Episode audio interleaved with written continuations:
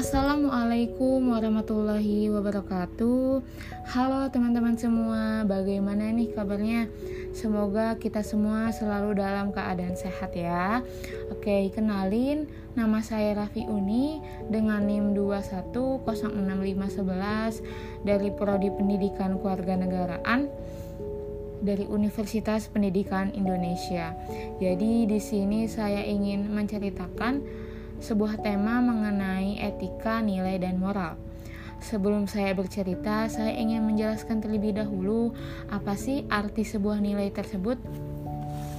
Nilai adalah kebiasaan kebiasaan dalam berperilaku, dalam melakukan suatu hal yang baik maupun positif yang ditanamkan melalui nilai-nilai keluarga, masyarakat, dan lingkungannya. Oleh karena itu, di sini saya ingin bercerita mengenai sebuah nilai-nilai yang baik agar kita bisa dapat mengaplikasikan di kehidupan seharian kita. Itu mengenai judulnya Virus Corona Saling Menguatkan Bersama. Sudah dua tahun lamanya, sudah hampir dua tahun lamanya virus corona melanda kita semua melanda negara kita, bahkan seluruh dunia. Hampir sebagian masyarakat ada yang terpapar sampai bahkan ada yang meninggal dunia. Kodarullahnya, saya pada saat itu, saya dan keluarga beserta beberapa keluarga di lingkungan saya terpapar virus corona. Sehingga kami yang sedang terpapar diwajibkan dan diharuskan untuk beristirahat dan isola mandiri di rumah.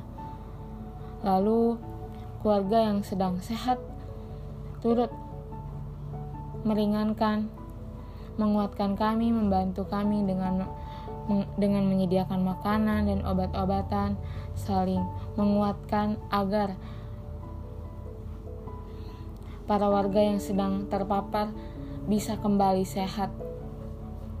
Namun, pada saat keluarga kami sedang merasa sakit, ada satu hal yang membuat kami terkagum, yaitu kepada satu keluarga yang mempunyai latar ekonomi yang sangat sederhana, jauh dari kalangan atas. Mereka selalu menanyakan kabar kami dari mulai kami terpapar sampai kami sehat, yaitu mereka selalu menanyakan kabar kondisi kesehatan kami, menyediakan uh, makanan, obat-obatan, uh, selalu mensupport mendoakan kami, menguatkan kami agar kami kembali sehat. Yang di mana hanya hanya membantu kami pada satu dua kali saja, namun keluarga ini yang sangat sederhana selalu mensupport kami dari mulai kami terpapar sampai kami sembuh. Oleh karena itu,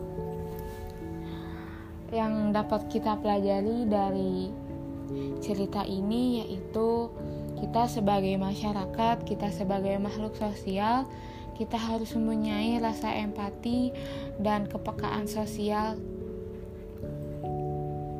pada pada sesama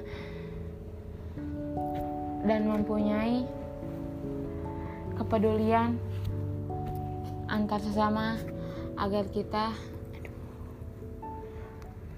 mempunyai rasa kebersamaan yang tinggi.